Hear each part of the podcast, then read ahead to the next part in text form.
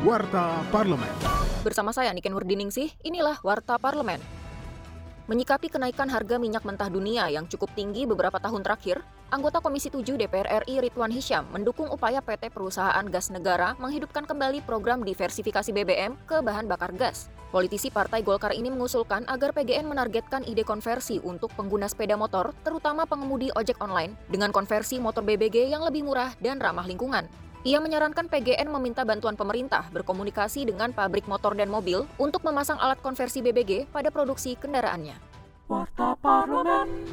Anggota Komisi 11 DPR RI Charles Mekiansyah menilai pertemuan G20 November mendatang sebagai indikator penting agar ekonomi dunia tumbuh lebih baik. Eh, ini menjadikan sebuah indikator penting agar ekonomi dunia, ekonomi global akan tumbuh jauh lebih baik. Jadi kita melihat momentum G20 momentum uh, apa pertemuan pimpinan pada November 2022 nanti menjadi hal yang sangat strategis, menjadi hal yang sangat vital untuk Indonesia maupun domestik maupun regional maupun dunia secara keseluruhan menjadi jauh lebih baik lagi sehingga ada perkembangan ekonomi yang jauh lebih berkembang dibandingkan dengan prediksi-prediksi yang sekarang ada. Kinerja Wakil Rakyat dapat Anda simak melalui media sosial DPR RI.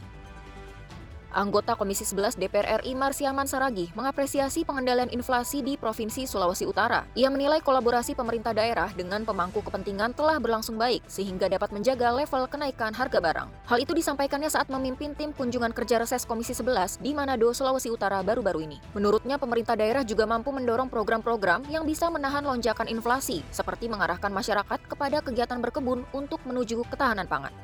Televisi Radio Parlemen.